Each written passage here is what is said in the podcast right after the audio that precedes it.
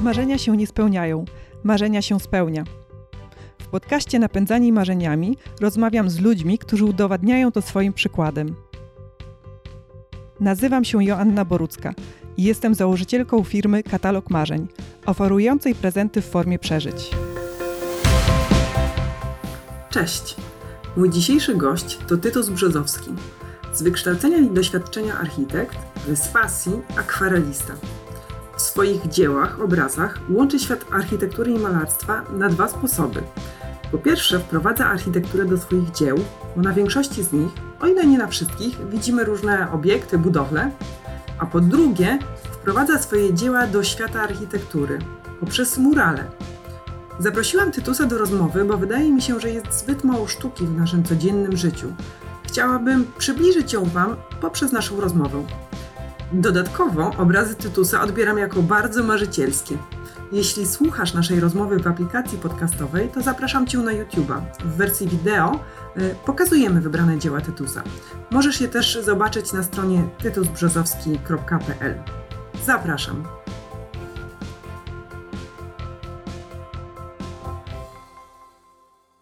Cześć, e, witam Cię serdecznie w podcaście Napędzanie Marzeniami i dziękuję serdecznie za przyjęcie zaproszenia. Cześć, cześć, to ja dziękuję bardzo za zaproszenie. Takim jednym z przyczynków do, e, do tego zaproszenia i do tego, że, e, do tego, że się spotykamy, jest to, że przeczytałam ze dwa lata temu książkę Punkt Przełomowy Malcolma Gladwella, który pisze w niej między innymi o teorii siły środowiska. I on opowiada o tym, jak duże znaczenie na, y, dla naszych działań, dla naszego nastawienia ma to, jak wygląda środowisko, w którym żyjemy.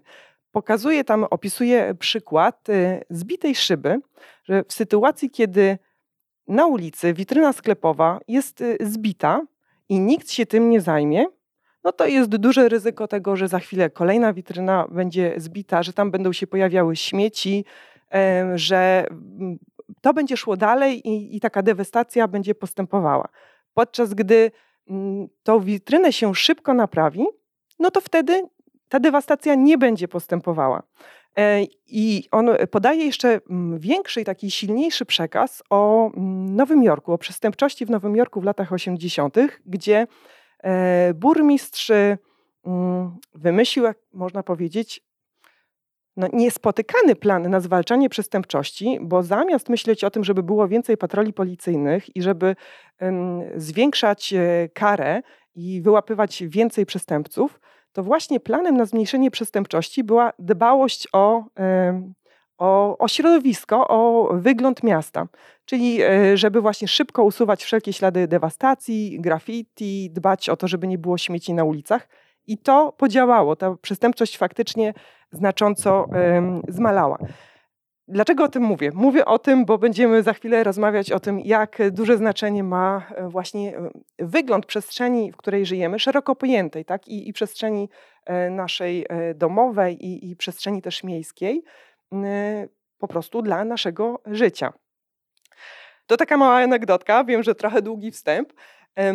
Teraz już chciałam przejść do rozmowy z Tobą i, i tak na początek powiem, że ja się czuję onieśmielona rozmawiając z Tobą, dlatego że to jest moja pierwsza w życiu e, tak naprawdę rozmowa z, z artystą, z artystą e, malarzem i e, no, czuję taką e, obawę, czy ja rozumiem ten świat, czy ja e, potrafię zinterpretować e, dzieła, które tworzysz. Mam, mam ta właśnie taką obawę, że mm, że nie potrafię tego zrobić, tak? I że i też nie mówię tylko i wyłącznie o Twoich dziełach, ale szerzej w ogóle o dziełach e, sztuki. I, e, I chciałabym e, poradzić sobie z tą obawą, i myślę, że dzięki naszej rozmowie też chciałabym zachęcić innych ludzi do tego, żeby nie tworzyć w sobie takich e, blokad e, przed obcowaniem ze sztuką. Jak ty na to patrzysz? Czy faktycznie ta moja obawa to jest coś, co, co szerzej widzisz y, w społeczeństwie, e, czy, czy nie? A jeśli szerzej, to, to z czego to w ogóle może wynikać? No właśnie teraz nie wiem trochę jak odpowiadać, bo też bym bardzo chętnie się odniósł do tego, o czym mówiłaś na początku. Także, no to odnoś także, się, o, także nie się proszę. Powiedziałaś tak. tak dużo rzeczy i wszystkie są takie ciekawe i chciałbym też jakoś po, po kawałeczku coś, e, coś powiedzieć, bo wydaje mi się, że to jest strasznie ważne to, o czym mówiłaś, bo e, rzeczywiście otoczenie ma wpływ na to, jacy jesteśmy i jak się zachowujemy. I przestrzeń, w której dorastamy, w której dojrzewamy, też wpływa na to, co myślimy o sobie i jaki mamy szacunek do e, samego siebie. I to jest bardzo ważne, żebyśmy nie tworzyli takich e, obszarów miejskich, e, e, które prowadzą do tego, że e, ktoś może się poczuć w jakiś sposób wykluczony.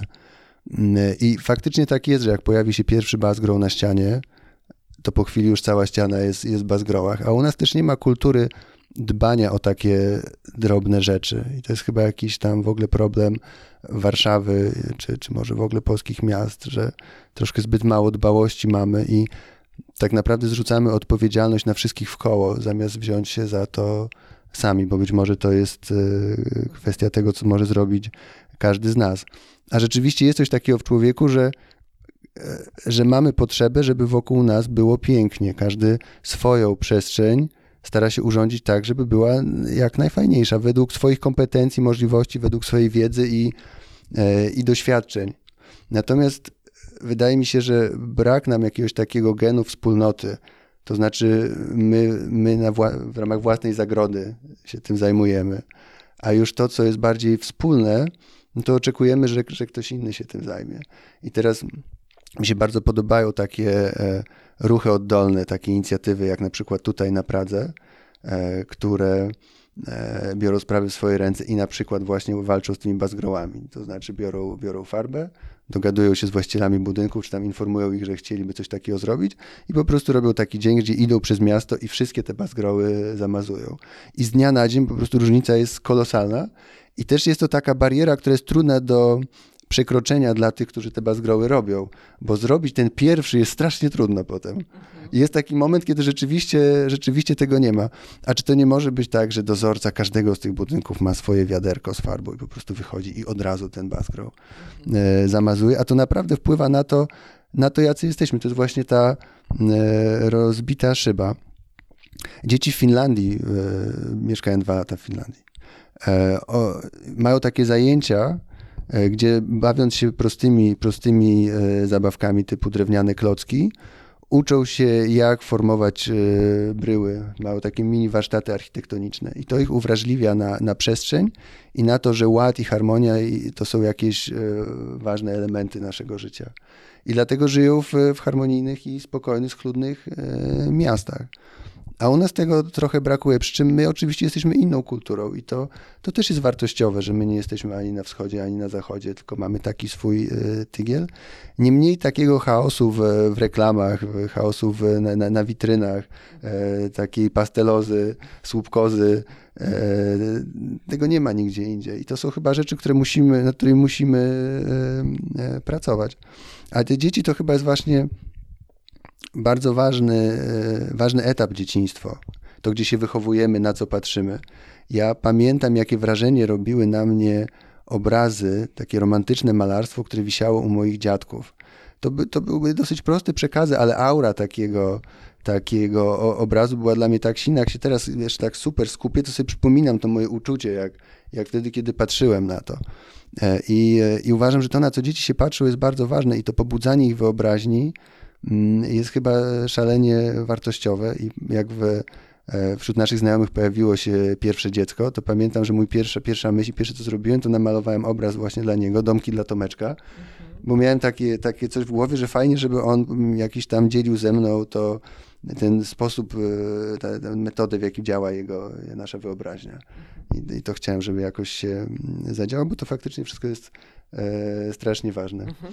E, o ile, jeśli mogę ci wejść e, w słowo, bo przypomniałam sobie teraz, że u moich dziadków również wisiały obrazy na, na ścianach i mm, pomimo tego, że no, dziadkowie przeprowadzili się do miasta ze wsi, byli pierwszym pokoleniem w naszej rodzinie, które mieszkało w mieście, mm, nie mieli wyższego wykształcenia, ale już gdzieś, nie wiem kto im tą wrażliwość artystyczną w cudzysłowie sprzedał, ale faktycznie u nich te obrazy były. Pamiętam reprodukcje słoneczników, okay. tak najbardziej konkretnie.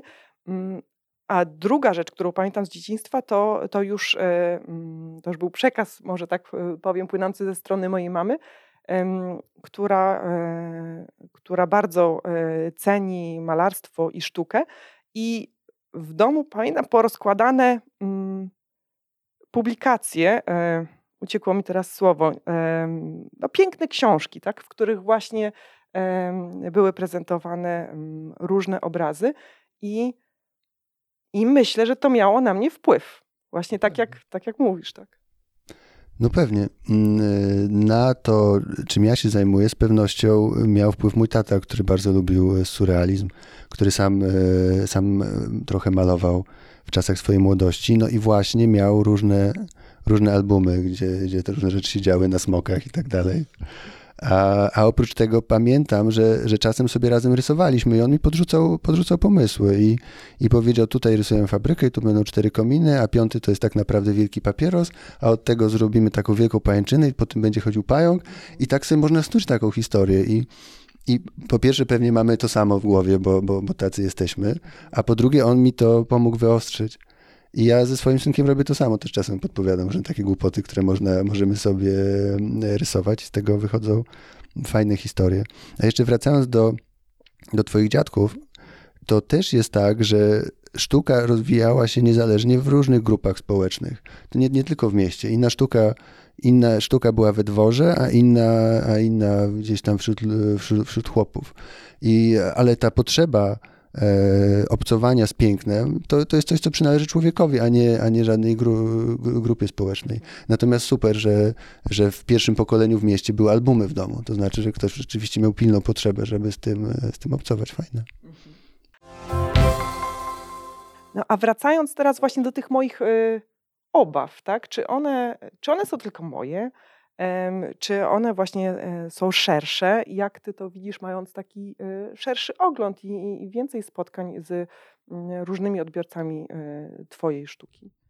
No bo zastanawiamy się, czy ludzie się boją tego, że mogą sztuki nie zrozumieć, albo że ona budzi w nich jakąś taką barierę i, i, i, i lęk, że, że mogą zrobić coś nie tak. Dokładnie że... tak, że może nie kupię tego obrazu czy tej reprodukcji, dlatego że przyjdzie do mnie ktoś znajomy, mm -hmm. kto się zna tak, okay. na sztuce i pomyśli sobie, że hmm, kupiłem coś, co jest, no nie chcę tutaj używać e, jakichkolwiek e, przymiotników, tak, ale właśnie, że no, tworzy się ta bariera i obawa, która de facto e, powoduje to, że mm, nie obcujemy z tą e, sztuką, albo nie pójdę do muzeum, bo, bo i tak nie będę w stanie docenić y, y, tych dzieł, które są tam prezentowane. No, wydaje mi się, że to w ogóle niedobrze, nie że sztuka taką, taką barierę tworzy I, i zastanawiam się, czy to nie jest spowodowane tym, że może za mało, za mało w niej uczestniczymy i ona jest, z, nie jest czymś codziennym dla nas. E, może za mało jej mamy w jakimś takim procesie do, dorastania i zaczynamy ją traktować jako coś takiego, czego trzeba się obawiać i a przecież sztuka nie musi być czymś, co sprawia, że może się źle zachowamy albo że jesteśmy nie tacy jak trzeba nie, nie, nie powinna rodzić takich rzeczy, tylko pobudzać człowieka do jakichś fajnych emocji. Coś, Ale może, coś, może, coś może nie rodzi, może to jest moje tylko takie. E, znaczy podejrzewam, że, że, że troszkę tak jest, jak mówisz. I to chyba też.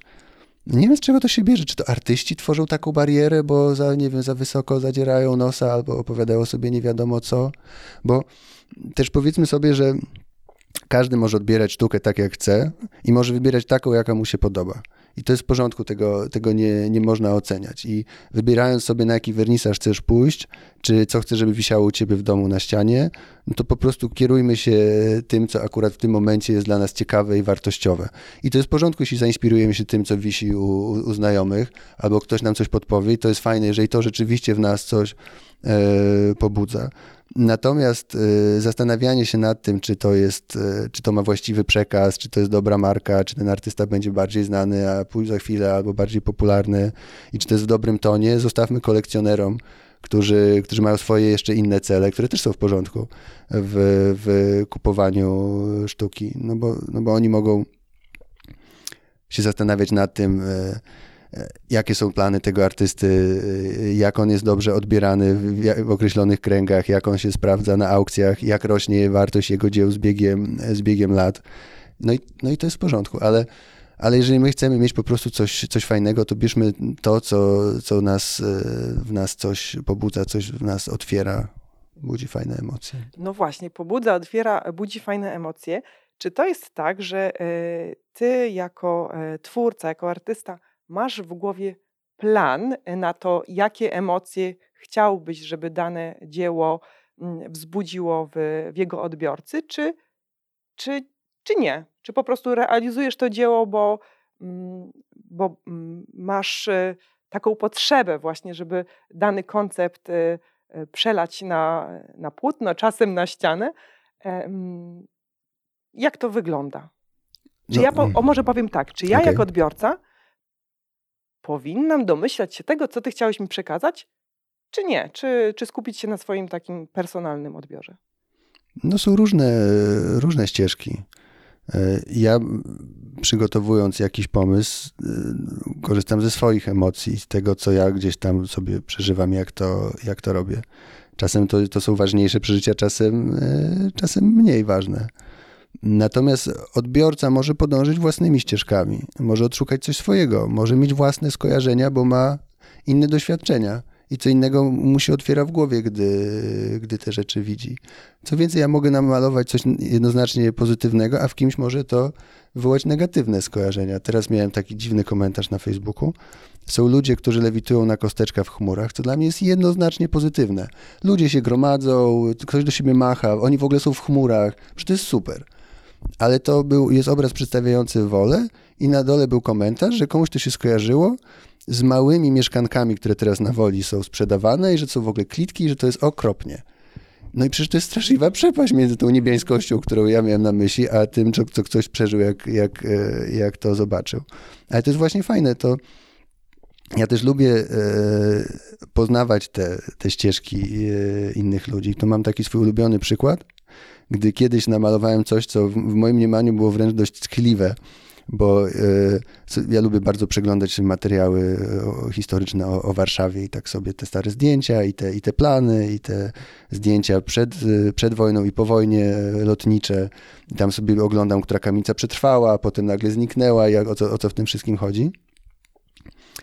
E, I był taki moment, że coś tam właśnie sobie chodziłem po krakowskim przedmieściu, e, gdzieś tam wśród tych materiałów i zorientowałem się, że te, te kamienice, które stały e, naprzeciwko kościoła Świętego Krzyża, że jedna z nich, mimo tego, że jej teraz nie ma, to, że, że ona przetrwała wojnę i wydaje się, że można ją było odtworzyć, tam wyremontować, nie trzeba jej było redukować do jakiegoś takiego bardzo, bardzo niskiego budyneczku. I tak się strasznie zdenerwowałem tym, I e, tak sobie pomyślałem, że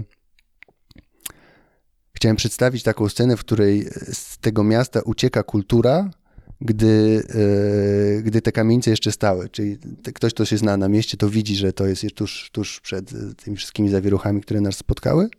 I postanowiłem, że namaluję odlatujące fortepiany. Że, że one po prostu uciekają z Warszawy, bo to jest taki niebezpieczny, niebezpieczny moment. E, natomiast obraz jest słoneczny, obraz jest ciepły. Te, te fortepiany tam na balonach. No i krótko mówiąc, mało kto się zorientował, że one odlatują. Natomiast wszyscy myślą, że jest bardzo fajna, ciepła scena, te balony sobie latają po Warszawie. No i więcej, w związku z tym, że tam było to krakowskie przedmieście i ten kość Świętego Krzyża, to przecież jesteśmy tuż obok budynku, z którego wyrzucono fortepian Chopina. No więc przecież oczywiście naturalne skojarzenie, na pewno chodziło mi o ten wylatujący fortepian Chopina. No i bardzo, bardzo wiele ścieżek się po, pojawiło i, i, ludzie mi opowiadają, o co mi chodziło, a zupełnie nie o to. Ale to jest cudowne, że, że można tyle tych skojarzeń. To jest właśnie ta sytuacja z tą Grow Dixit, że że moje obrazy są trochę podobne do tych kart, których zadaniem jest pobudzenie naszej wyobraźni do stworzenia różnych, różnych opowieści. I jeżeli, jeżeli można spojrzeć na to, co ja zrobiłem i odnaleźć jakąś własną historię w tym, to to jest super. No właśnie z tymi kostkami e, miałam taką e, hipotezę i chciałam Ciebie e, spytać, że mm, czy też tak na to opatrzyłeś, że mm, dla mnie te, te, te kostki są takim odzwierciedleniem losowości, mhm. że rzucamy kostkę, nie wiemy, nie wiemy jaka liczba wypadnie. Właśnie ludzie na tych kostkach obrazują nam to, że nasze życie jest efektem wielu zbiegów przypadków i tego, co ktoś nam tą kością wyrzuci. Bardzo dobra odpowiedź. Naprawdę, bardzo, okay. bardzo, bardzo fajne. Ale czy to właśnie, czy gdzieś przemknęło ci przez myśl? Oczywiście, wiesz, no ja już tyle razy odpowiadałem na pytanie, dlaczego te kostki, że ja, ja mam takie odpowiedzi kilka i mogę ci, wiesz, którą, którą chcesz. Natomiast e, no jest też tak, że nasze miasta, to o czym już troszkę mówiliśmy, są chaotyczne. I w ogóle te wszystkie surrealistyczne małe smaczki u mnie, wydaje mi się, że w, w naszym pejzażu miejskim są bardzo na miejscu bo, bo u nas nie zawsze wszystko można logicznie wytłumaczyć, dlaczego tak. I taka, taki tramwaj, który wyjeżdża z budynku, no to przecież to w ogóle nie dziwi. No. Albo taka, taka y, kosteczka, czy ktoś, kto stoi sobie gdzieś tam na, na kominie, bo u nas jest atmosfera lekkiego chaosu. Mhm. No i są też te karty, które y, gdzieś tam fruwają, y, karty do gry. Y, albo tak odczytuję? Nie. Nie, takie gdzieś takie, nie wiem, piki, nie piki. Nie, szczerze powiedziawszy, nie miałem czego, nic, nie, nic z, z grami karcianymi. Może coś tam źle... E, e, obrazie mhm. to doczytam. Dobra, to w ten wątek e, nie idźmy. Ale myślę, że to jest dobry czas, e, żeby zrobić pewien eksperyment. E, przyniosłeś e, prezent. Bardzo, bardzo dziękuję za ten prezent. To jest puzzle, które mm, obrazuje czy które, której y, jest jednym z e, obrazów e, namalowanym w ramach cyklu, tak mogę, mm -hmm. czy takiego mhm, mhm. sformułowania użyć, e, cyklu 12 miast. To jest 13 obraz zbierający mm, elementy, które są umieszczone na, na poszczególnych 12 obrazach. I ja teraz wyjdę ze swojej strefy komfortu i właśnie i, i, i spróbuję mm, powiedzieć, co ja widzę na tym obrazie i chciałabym Ciebie poprosić właśnie, żebyś e, skomentował. Pokażemy też, e, pokażemy e, ten obraz wszystkim, wszystkim tutaj odbiorcom, którzy, którzy nas słuchają w notatkach, tak? Na stronie, to to jest ok, że tak, umieścimy jasne, właśnie ten obraz w notatkach, żeby każdy z Was mógł spokojnie też się z nim zapoznać. Ja widzę tutaj tak, no taka podstawowa warstwa wizualna to są budynki, budynki różnorodne. Rozpoznaję Zamek e, Królewski e, w Warszawie. Szczerze powiedziawszy, niewiele więcej. Te budynki się unoszą i są połączone pewną spiralą drogą, i dla mnie, e, po której idą ludzie.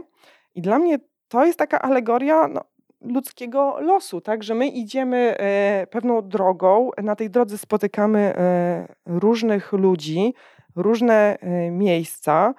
Mm, tutaj ta droga, ona się wznosi do góry, więc myślę, że to jest takie pozytywne przesłanie, bo właśnie idziemy w górę, rozwijamy się. Mm, ona jest mm, prosta w tym sensie, że tu nie ma odgałęzień, tak? Więc więc może to obrazuje, że mamy z góry taki pewien e, los, czy jakiś kierunek, albo przyświeca nam e, jakiś konkretny kierunek i, e, i go realizujemy, a przynajmniej ci ludzie, którzy są na tym obrazie. Z drugiej strony jest to droga, która zakręca cały czas w górę, no ale są te zakręty, więc to może pokazuje też, że są te zakręty w, w naszym życiu, także i, i że nie zawsze dostrzegamy to, że idziemy mm, w taką pozytywną stronę, bo, bo, bo te zakręty są. Mm, z takich e, dodatkowych tutaj elementów e, widzę balony, na których jest fortepian również. I te balony, no po pierwsze, balony kojarzą się z dzieciństwem, kojarzą się e, z radością. To jest takie pierwsze moje skojarzenie. E, na tych balonach jest fortepian, więc pewnie e, to, to dla mnie pokazuje, że sztuka nas uwzniośla, właśnie ciągnie do góry. Mm, jest tu dużo zieleni. Zieleń jest dla mnie bardzo ważna i natura jest dla mnie bardzo ważna i, i myślę, że to też pokazuje, że ta zieleń no, pomaga nam w życiu i ma znaczenie dla naszego życia. Tak, to są takie moje pierwsze, pierwsze tutaj odczucia. Wspaniale, znalazłeś tu mnóstwo jakichś takich e, wątków, bardzo mi się to podoba. Słuchaj, no, na samym początku chciałem powiedzieć, że w ogóle, gdy spotykamy się z dziełem sztuki, to musimy brać pod uwagę, że artyście niekoniecznie musiało o coś strasznie ważnego chodzić. To znaczy, to nie jest tak, że w każdym ruchu pędzla jest zakryty, ukryty jakiś ważny, ważny przekaz.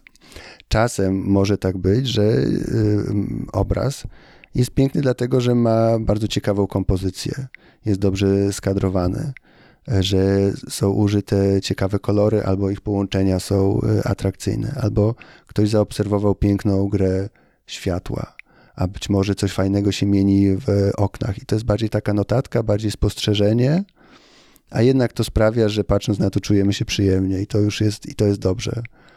Mm, dla mnie zawsze ważne było, żeby te moje obrazy działały na dwóch płaszczyznach, czyli po pierwsze to jest, to jest coś e, sympatycznego, co się po prostu podoba, ale jeżeli ktoś chciałby w to wejść, to może temu poświęcić dużo więcej czasu, bo w tym po pierwsze jest historia, którą ja zaplanowałem ja chętnie o tym opowiem. E, I to też jest w ogóle jakieś, jakaś moja, moja cecha, że podczas moich wernisaży spotykam się również na sali kinowej, gdzie ja się tłumaczę z każdego budyneczku i ze wszystkiego, co, o, co, o co mi chodziło, ale też można znaleźć własną ścieżkę i, i odszukać e, e, coś swojego. Obraz, który widzimy, jest ostatnim obrazem zrealizowanym z, w, w serii dla Instytutu Polonika, który zajmuje się promowaniem dziedzictwa kulturowego Polski, które znajduje się za granicą. Czyli e, obiekty zrealizowane przez Polaków, czy przez Polonię, czy przez polskich e, architektów, czy polskich e, artystów, które są wartościowe, w których się działy ważne dla polskiej historii też które są, które są wartościowe. Warto o tym opowiadać, warto, żebyśmy my wiedzieli, że je mamy, warto, żeby świat o tym wiedział warto, żeby one były w dobrym stanie. I jako element ich działalności właśnie powstały, e, powstała seria moich obrazów. I e, no, troszkę wszystko nam popsuła pandemia, bo musimy teraz trochę poczekać, ale jak tylko się wszystko uspokoi, to ruszamy z cyklem wystaw zarówno w Polsce, jak i, jak i e, za granicą. Już, już wiemy, że mamy umówione Chicago, Londyn, Wilno, Lwów i Rapperswil. E, więc no, będziemy pokazywać te obrazy i zapraszać do tego, żeby się za, za, zapoznać, że są te obiekty i, i co tam się dzieje. Instytut też na swoich mediach społecznościowych jest bardzo prężny. W, w ogóle w mediach pokazuje te, te obiekty i tłumaczy się, co tam się dzieje.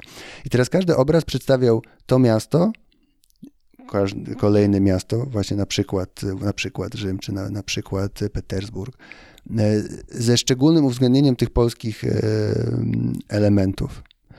A obraz, e, który, o którym teraz mówimy, to jest kolaż tych wszystkich najważniejszych rzeczy. Czyli to nie jest konkretne miasto, tylko to jest tych zbiór poloników, czyli tych polskich obiektów porozrzucanych po całym świecie. I ja zaczynając pracę nad tym, no nie miałem konkretnego miasta, na atmosferze którego mógłbym się podeprzeć. Raczej tworzyłem coś nowego, jakąś zupełnie nową krainę składającą się z tych polskich, z polskich e, elementów. I pomyślałem, że to jest taka sytuacja, w której my chcemy troszkę, tak jakbyśmy zwiedzali te obiekty, że to jest taka trochę wystawa tej polskości świata. I e, chcąc to zrobić w taki spektakularny sposób, podparłem się pomysłem Franka Lloyda Wrighta, który w Nowym Jorku zbudował Muzeum Guggenheima, który właśnie działa w ten sposób, że wspinamy się po tej takiej dużej muszli y, spiralną y, pochylnią, obserwując to, co wisi na ścianie. No u mnie, u mnie rzeczywiście się wspinamy i oglądamy kolejne obiekty związane z Polską. No i rzeczywiście wymieniam tutaj te najważniejsze budynki i, i, i nie tylko z 12 pozostałych prac. To, co teraz opowiadasz, y, doprowadza mnie do takiego e, przemyślenia, które, mm, które naszło mnie, jak się przygotowałam, przygotowywałam do, do naszej rozmowy. Mm, porównania artystów z przedsiębiorcami. E, przedsiębiorcy w mojej ocenie dzielą się na takie dwie kategorie. Upraszczam oczywiście.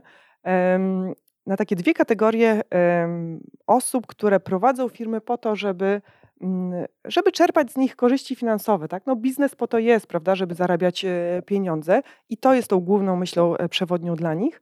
E, a druga kategoria mm, to są ludzie, którzy firmy traktują jako narzędzia do tego, żeby nieść w świat pewne idee, promować pewne postawy, czy mm, wspierać realizację pewnych zmian w świecie. I wydaje mi się, że w świecie artystów, to jest takie moje zewnętrzne postrzeganie, bo E, no bo ja jestem, e, czuję się tak na zewnątrz tego świata, że jest podobnie w tym sensie, znowu upraszczając, że artyści też się dzielą na, na dwie kategorie. Osób, którym przede wszystkim zależy na mm, uzewnętrznieniu swojego talentu i, i, właśnie to pokazanie talentu jest takim e, głównym, nadrzędnym celem, a druga grupa to są e, osoby, dla których talent jest narzędziem do tego właśnie, żeby promować e, pewne e, idee i też e, prowokować, wspierać e, pewne zmiany w, w świecie, w społeczeństwie. Czy to moje przemyślenie jakoś z Tobą rezonuje, czy, czy tak faktycznie jest? E, jak, prośba o komentarz. E, wydaje mi się, że, że, że trafnie to powiedziałaś, bo rzeczywiście zdaje się, że większość artystów po prostu chce przelewać to, co ma w sercu, to, co, co ich inspiruje na, na, przez, poprzez medium, którego używają, tak żeby to wyszło w świat w tym niekoniecznie musi być jakaś ważna dla tego świata idea. Znaczy, oni nie muszą mieć potrzeby zmiany tego świata. Być może po prostu chcą go opisywać albo opisywać to, co się dzieje u nich y, w głowie. Po, tak. mhm. Ja tylko dopowiem, że nie miałam w pytaniu żadnej intencji wskazywania, że którakolwiek z kategorii jest lepsza lub Oczywiście. gorsza, prawda? Nie, nie, po tak, bo każdy swoje decyzje podejmuje. Mhm. Mm, natomiast sztuka faktycznie prawdopodobnie łatwiej niż inne dziedziny daje szansę, żeby na świat wpływać, no bo to, co robimy, dociera do odbiorców i można próbować jakiś swój y, przekaz tutaj odnaleźć. I tak jak w biznesie, tak w sztuce też można łączyć różne, e, różne mm, aspekty działalności. To znaczy, można mieć wartościowy przekaz, a przy okazji y, robić dobry biznes. I tak samo można być artystą, który mówi mądre rzeczy, ale też dobrze prosperuje. Problem polega na tym, gdy znajdujemy się w momencie, w którym podejmujemy decyzję, co robimy, pod kątem tego, czy na tym zarobimy, czy będziemy mieli ten przekaz. I szczęśliwy ten artysta, który może robić te dwie rzeczy bez kompromisów. To jest, e, to jest wspaniała sytuacja e, wtedy. Ja w swoich e, obrazach zawsze chciałem opowiadać o Warszawie i o, i o tym, e, o tym, jak złożonym miejscem jest i chciałem promować tezę, że, że jest e, ciekawa, atrakcyjna. Uważam, że to jest piękne miasto, że to jest trudna relacja, że, że związek z Warszawą wymaga e, więcej zaangażowania, bo to jest taki związek, gdzie musimy się troszkę lepiej poznać, gdzie musimy się dowiedzieć o tych wszystkich nawarstwieniach historii, o tym, co tu się działo, o tym, co spowodowało, że jest tak jak jest. To jest miasto, gdzie niezwykłą rolę odgrywa nostalgia za tym, jak kiedyś było, jak mogło być. Te wszystkie niezrealizowane plany i ambicje to w Warszawie aż, aż kipi. Ja uwielbiam o tym opowiadać. To jest coś, co siedzi we mnie w głowie. No i mam to szczęście, że ludzie lubią o tym słuchać. Być może to jest taki moment, kiedy, kiedy to jest po prostu atrakcyjne.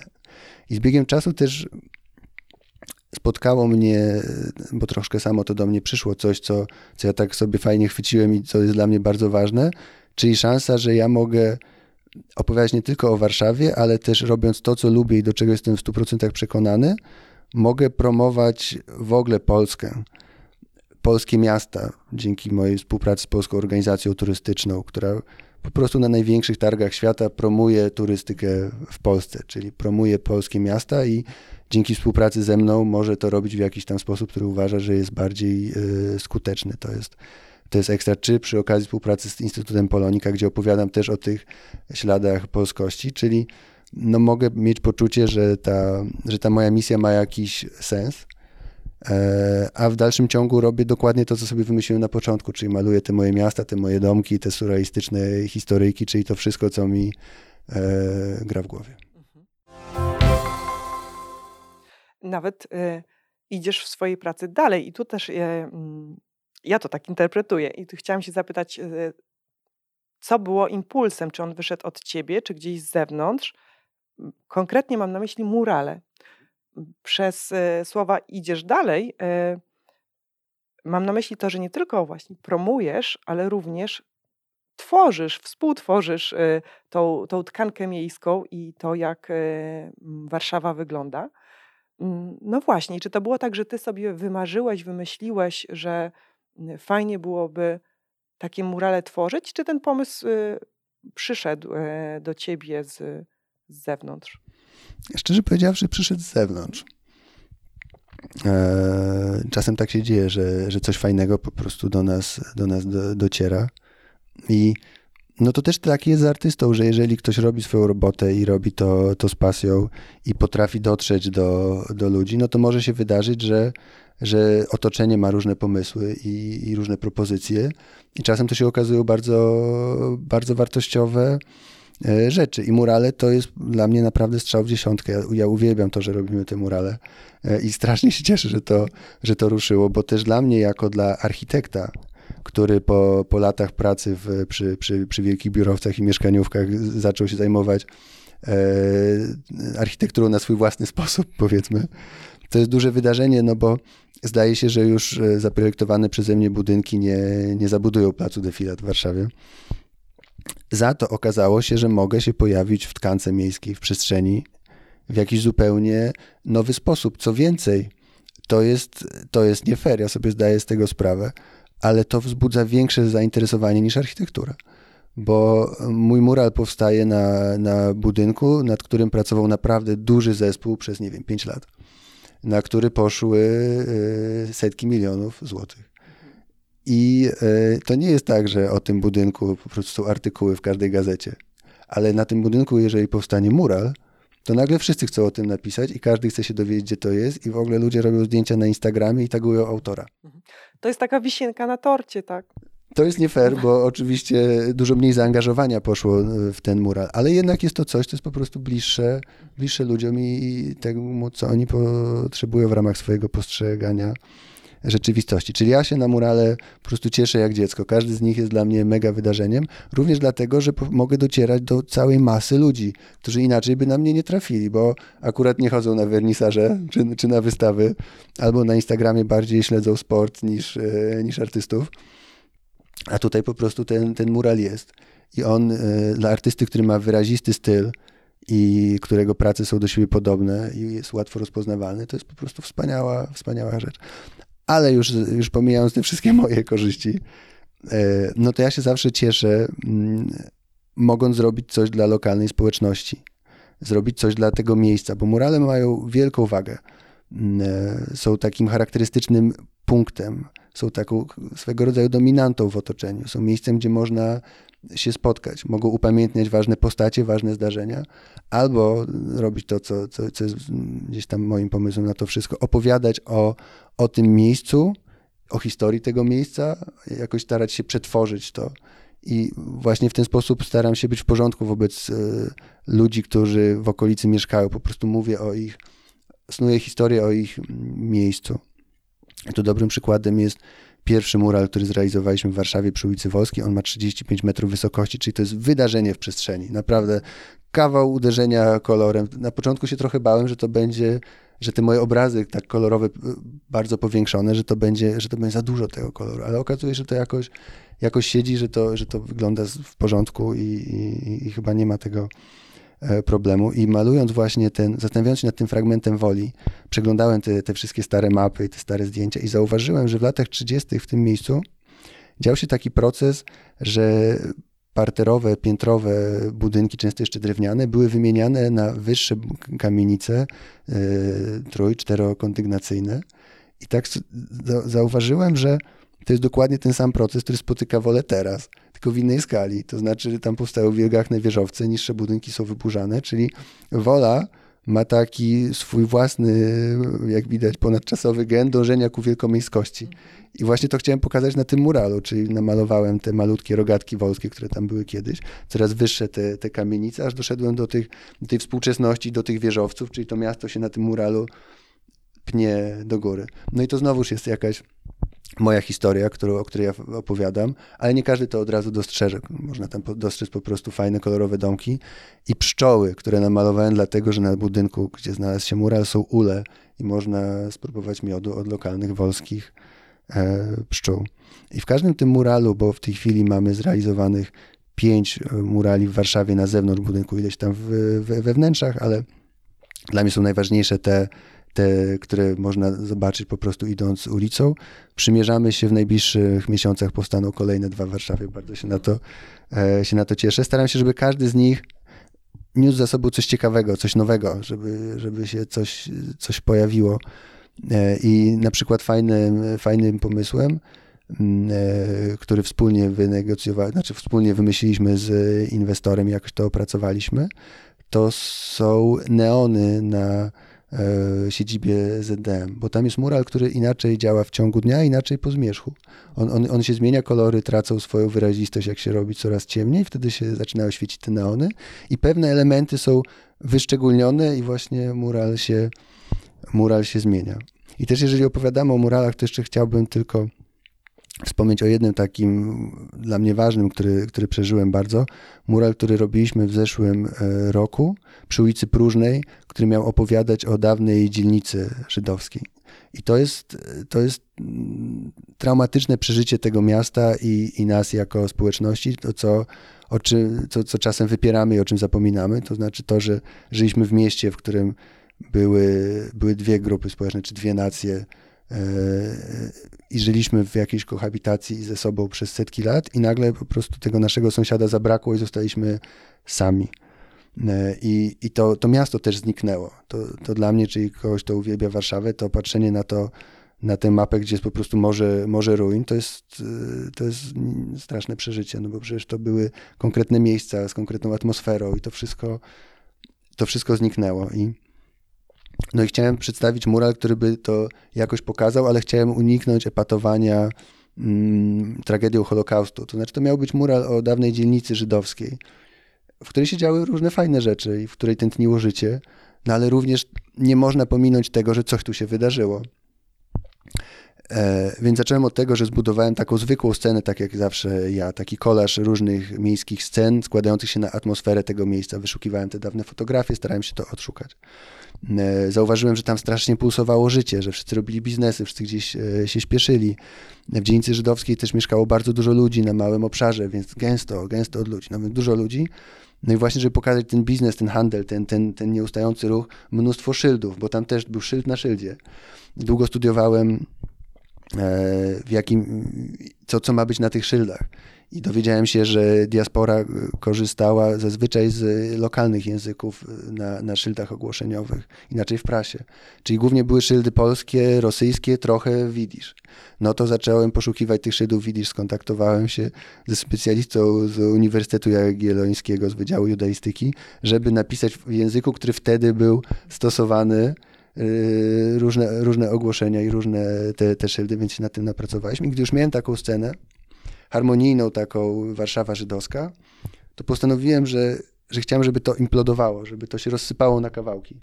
I po prostu roz, rozfragmentowałem tę opowieść, porozsuwałem te budynki i rozsypałem to na niebie, unosząc tę, tę, tę, tę taką senną historię o tym, jak kiedyś było, w, już w kawałeczkach, ponad Warszawą, gdzie pokazałem te kilka elementów tej dawnej tej dawnej dzielnicy północnej, które z nami zostały.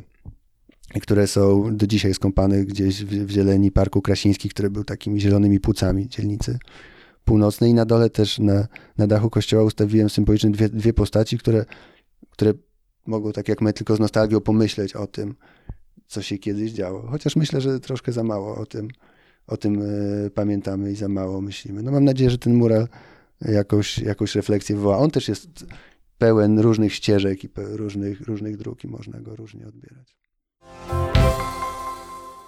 Niezwykłe jest to, jak, jak bardzo złożony jest, jest proces tworzenia i właśnie na jak wiele sposobów można e, odczytywać Twoje dzieła i pewnie też inne dzieła po prostu e, artystyczne. Mm, no ja myślę, że będę teraz tak z inną optyką e, patrzeć na, e, na różne obrazy. Mm, chciałam zapytać Ciebie też o to, bo wspomniałeś teraz właśnie o tym przejściu z zawodu architekta do zawodu artysty. Co było takim impulsem, że, że zdecydowałeś się na tą zmianę? Mm, wiesz, to też nie jest tak, że to jest taka wielka zmiana, bo e, sztuka w, dla architektów zawsze miała dużą wartość i my na wydziale oprócz zajęć z, z, projektowania czy takich bardziej technicznych rzeczy, gdzieś tam fizyka budowli, konstrukcje, no to też mamy rysunek, malarstwo, rzeźbę, historię sztuki. E, żeby się dostać na Wydział Architektury, musiałem zdać egzamin właśnie z rysunku, gdzie trzeba się było wykazać wyobraźnią przestrzenną i e, to na etapie przygotowań, to ten świat rysowania był, był tak naprawdę najważniejszy, kluczowy. A potem studia to jest taka, taki okres, gdzie troszkę każdy sam wybiera, czym chce się bardziej zainteresować. I ja miałem wielkie aspiracje, jeśli chodzi o architekturę. Ja naprawdę chciałem zostać Bohnanem Pniewskim i być takim architektem, który będzie zmieniał miasto, taką ważną, ważną postacią z, wa z ważnymi realizacjami, z, z budynkami, które sprawią, że miasto będzie funkcjonować e, inaczej. To, i, naprawdę bardzo dużo robiłem w tym kierunku i e, bardzo się poświęcałem przy, przy projektach, jakie mieliśmy na, na, na Wydziale Architektury. E, pracowałem w Finlandii, w dobrej pracowni, żeby zrozumieć ten taki też bardziej nordycki punkt e, patrzenia na to. Dzięki moim no, wysiłkom podczas studiów e, udało mi się dostać do zespołu bardzo prestiżowej pracowni warszawskiej, do JEMS Architekci. Tak mówię zachowawczo, ale dla mnie JEMS to zawsze był totalny numer jeden. Znaczy, każdy może mieć swoje zdanie, ja uważałem, że nie ma nic lepszego. I te, I te lata spędzone w tym, w tym zespole to też była e, wielka szkoła. I pewnie no, miałem jakieś papiery na to, żeby, e, żeby, żeby działać w ten sposób, ale e, malarstwo to nie było coś, z czego kiedykolwiek zrezygnowałem. To zawsze była moja wielka aspiracja. Również jak się dostałem na, na studia, to byłem w gronie takich ludzi, którzy, którzy właśnie dobrze rysowali i, i, i malowali, czy właśnie aspirowałem do tego grona. To było zawsze takie bardzo prestiżowe towarzystwo. Ja bardzo chciałem, mm, bo to się nie wydarzyło i w momencie, gdy się dostawałem na studia, to się wydarzyło trochę później, że, te, że się dostałem do tej, e, do tej grupy i, i spędzając z nimi czas, jeździłem na plenery. Miałem takiego przyjaciela, który e, wychowywał się w takiej rodzinie artystycznej. Jego mama pięknie malowała akwarelami. Jemu to wszystko przychodziło z taką niezwykłą łatwością ale miał też to, że, że w ramach przyjaźni ze mną chętnie się, się tym dzielił i po prostu mnie, mhm. mnie tego uczył. Jeździliśmy na te plenery, ja, obserwowaliśmy razem tę rzeczywistość. To też był taki piękny okres, bo w tym jest taka renesansowa nuta postrzegania, uczenia się rzeczywistości. Jak jest skonstruowany budynek, jak wygląda ten ostrołk w kościele, jak to się odbija w kałuży, jak to wygląda rano, a jak wieczorem, jak wykonstruować cienie od tego jak w tym wygląda sylwetka człowieka, czy on jest mały, czy, czy duży. Mm, co się dzieje, jeżeli jest e, ciemne tło chmur, ale rozświetlona kopuła. A co jeżeli jest w ogóle odwrotnie, bo robimy to pod słońcem, tylko są takie jasne bliki. To jest, to jest fascynujące na swój sposób. Dla kogoś, kto się wkręca w to, w to malowanie i rysowanie, i w architekturę, i w miasto, to ten okres studiów i tych plenerów, no to nie można powiedzieć, że ja się zajmowałem wyłącznie architekturą. To wszystko jest bardzo, bardzo złożone, bo ja twierdzę, że ja malując Warszawę czy miasta, ja dalej robię robotę architekta. Tomek Bagiński też jest architektem. I on robiąc tego Wiedźmina na swój sposób też robi, robi architekturę. E, Zdzisław Beksiński też był architektem. I on przecież też całe, całe życie malował te, te, te, te nie tylko te, e, te, te przeżycia, które tam możemy odnaleźć, ale też w tym się znajduje znajdują budynki i architektura, przestrzeń, formy przestrzenne. Mm, a gdy zacząłem e, pracę w Wiems, to troszkę bardziej zrozumiałem, jaka jest rzeczywistość budowania tych wielkich domów, o których marzyłem. Jak wielkie są te zespoły, jak mała jest, mały jest mój wpływ na to wszystko, jak dużo jest tych różnych branż, które o tym wszystkim decydują, jak dużo jest koordynowania tego wszystkiego ile projektów robimy, z których nigdy nic nie wychodzi. Bo, bo robimy kilkadziesiąt projektów, a powstaje pięć. W wielkim biurze, które jest super prestiżowe, super sukcesami, którym się wszyscy wzorują. Jak to jest strasznie stresujące, jak, ci, jak ja mam 25 lat i po prostu wracam do domu i okazuje się, że mam pierwsze siwe włosy, bo się bardzo denerwuję odpowiedzialnością, która na mnie spada, a wiem, że to jest jeszcze mały Miki w porównaniu z tymi moimi 35-letnimi kolegami, którzy już w ogóle są siwi. Jak, e, jak trudno jest założyć takie duże biuro i je utrzymać jak, e, jak się orientuję, że żeby wymienić oprogramowanie na, na nowocześniejsze, to trzeba wydać milion złotych. A, a że ci klienci to niekoniecznie muszą chcieć płacić, płacić. E, architektura to jest ciężki chleb. To jest, to jest trudne i, i, i skomplikowane. I to mi tak bardzo nie przeszkadzało, bo ja dalej chciałem być Bogdanem Pniewskim, ale wieczorami w ramach takiej może troszkę terapii bez przesady, po to, żeby się troszkę rozluźnić i troszkę pobawić, e, malowałem sobie te miasta, gdzie, gdzie ten balon może z tym fortepianem latać tak, jak sobie wymyślę. I nie ma absolutnie nikogo, kto, kto będzie ingerował, po prostu tylko moje decyzje. Co więcej, gdzie efekt mojej pracy pojawia się po, po tygodniu, po kilku tygodniach. To nie jest coś, co się zostanie zbudowane za pięć lat. Pierwszy budynek, który projektowałem e, w, w biurze, w dalszym ciągu nie powstał on powstanie, ale po prostu jest na którymś tam siódmym etapie inwestycji. No i kiedy przyjdzie ta satysfakcja e, na znowu malarstwo, to, to przynosi bardzo szybko. No i u mnie to troszkę samo się wydarzyło, bo ja malowałem, pojawiło się takie medium społecznościowe jak Facebook, które działało wtedy jeszcze inaczej niż teraz. To znaczy, jak było coś ciekawego, to to bardzo szybko rosło. I, i, I, ja miałem zasięgi po 100 tysięcy y, odbiorców, jak wrzucałem dobry obraz, bo ktoś udostępnił, ktoś udostępnił, Facebook promował, bo widział, że się klika i nagle się okazało, że dużo ludzi chce to oglądać, że jak robię wystawę, to przychodzi strasznie dużo ludzi, a w ogóle to oni chcą to kupować i a ja nigdy nie mam tych obrazów. No i to się wydało takie mm, bardzo atrakcyjne, bo na moich warunkach. Ja też chyba nie jestem do końca stworzony na, do pracy na etacie. Jednak ta swoboda y, pracy, swoboda wybierania tematu, tego czym się zajmuję, de, de, decyzyjność. A też ja mam bardzo silny taki gen przedsiębiorczości. Dla mnie budowanie własnej marki jest, mm, jest bardzo satysfakcjonujące i granie na siebie. E, no i w pewnym momencie no, okazało się, że prowadzę dwa równoległe życia, bo tutaj jestem architektem w biurze, a tu jestem artystą, gdzieś tam chodzę do radia, ściskam dłonie na wernisażach no i pomyślałem, że kurczę, to też wtedy mi podpowiedział ten mój przyjaciel, który pomógł mi na, nauczyć się malować. Ja mu się tak żaliłem, że tutaj ta, ta, ta architektura i to malarstwo. On mi powiedział, no wiesz, ale nie musisz robić wszystkich rzeczy jednocześnie. Jest, mamy przed sobą kawał życia. Możesz spróbować różnych rzeczy i po prostu zobaczysz, co z tego wyjdzie. Nie zamykasz żadnych ścieżek. Ja wtedy sobie powiedziałem, że faktycznie. Że zobaczę, co będzie, jak będę sobie to malował, a jak będę chciał budować wielkie domy, to po prostu do tego wrócę. E, no i tak się stało, że ta, że ta, to, czym się zajmuję teraz, y, jest, y, jest tym, czymś, co mi daje bardzo dużo satysfakcji, co dobrze prosperuje i co daje mi kolejne nowe, nowe wyzwania i, i fajne możliwości. No i bardzo chcę iść y, w tym kierunku, no decydując jakby godząc się z tym, że no już raczej wieżowce mojego projektu nie powstaną ale na ogromnych wieżowcach mogą powstać twoje murale. Tak, jest to jakaś ścieżka dla mnie. A czy masz e, takie marzenie przed sobą, które, m, którym jesteś e, gotów, e, możesz się podzielić? Bardzo bym chciał i nad tym, nad tym trochę pracuję i jak na razie mi to niestety nie wychodzi, żeby moje murale pojawiły się za granicą żeby troszkę tym naszym wypracowanym tutaj lokalnie językiem podzielić się z ludźmi gdzie indziej. I może też trochę opowiedzieć o nas. Mam takie marzenie, na przykład są miasta partnerskie Warszawy.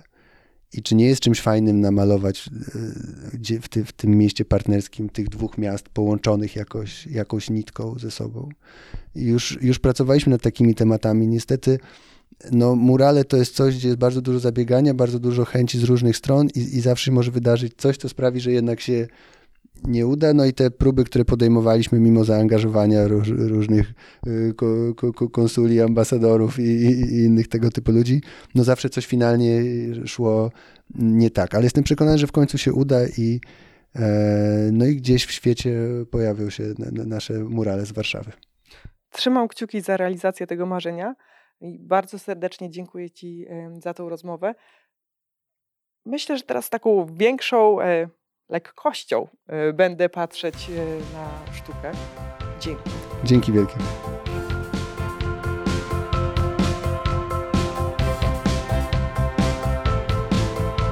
Bałam się naszej rozmowy, bo to było moje pierwsze w życiu spotkanie z artystą malarzem. Nie znałam Tytusa wcześniej, nie wiedziałam czego się spodziewać. A jakoś tak wyszło, że zbudowałam sobie obraz artysty, czy szerzej ogólnie artystów, jako takich specjalnych ludzi, którzy widzą więcej, wiedzą więcej, kojarzą więcej, mają pewnego rodzaju trzecie oko. No i w związku z tym bałam się, że w naszej rozmowie wyjdę na ignorantkę. Na szczęście nic z tych strachów się nie sprawdziło, a dodatkowo teraz się czuję zdecydowanie pewniej na myśl o sztuce i obcowaniu z nią. Mi się świetnie rozmawiało z Tytusem, mam nadzieję, że Tobie równie dobrze się słuchało. Jeśli tak, to będę wdzięczna za polubienie czy komentarz w Twojej ulubionej aplikacji podcastowej, na YouTube czy w mediach społecznościowych. Do usłyszenia w kolejnym odcinku.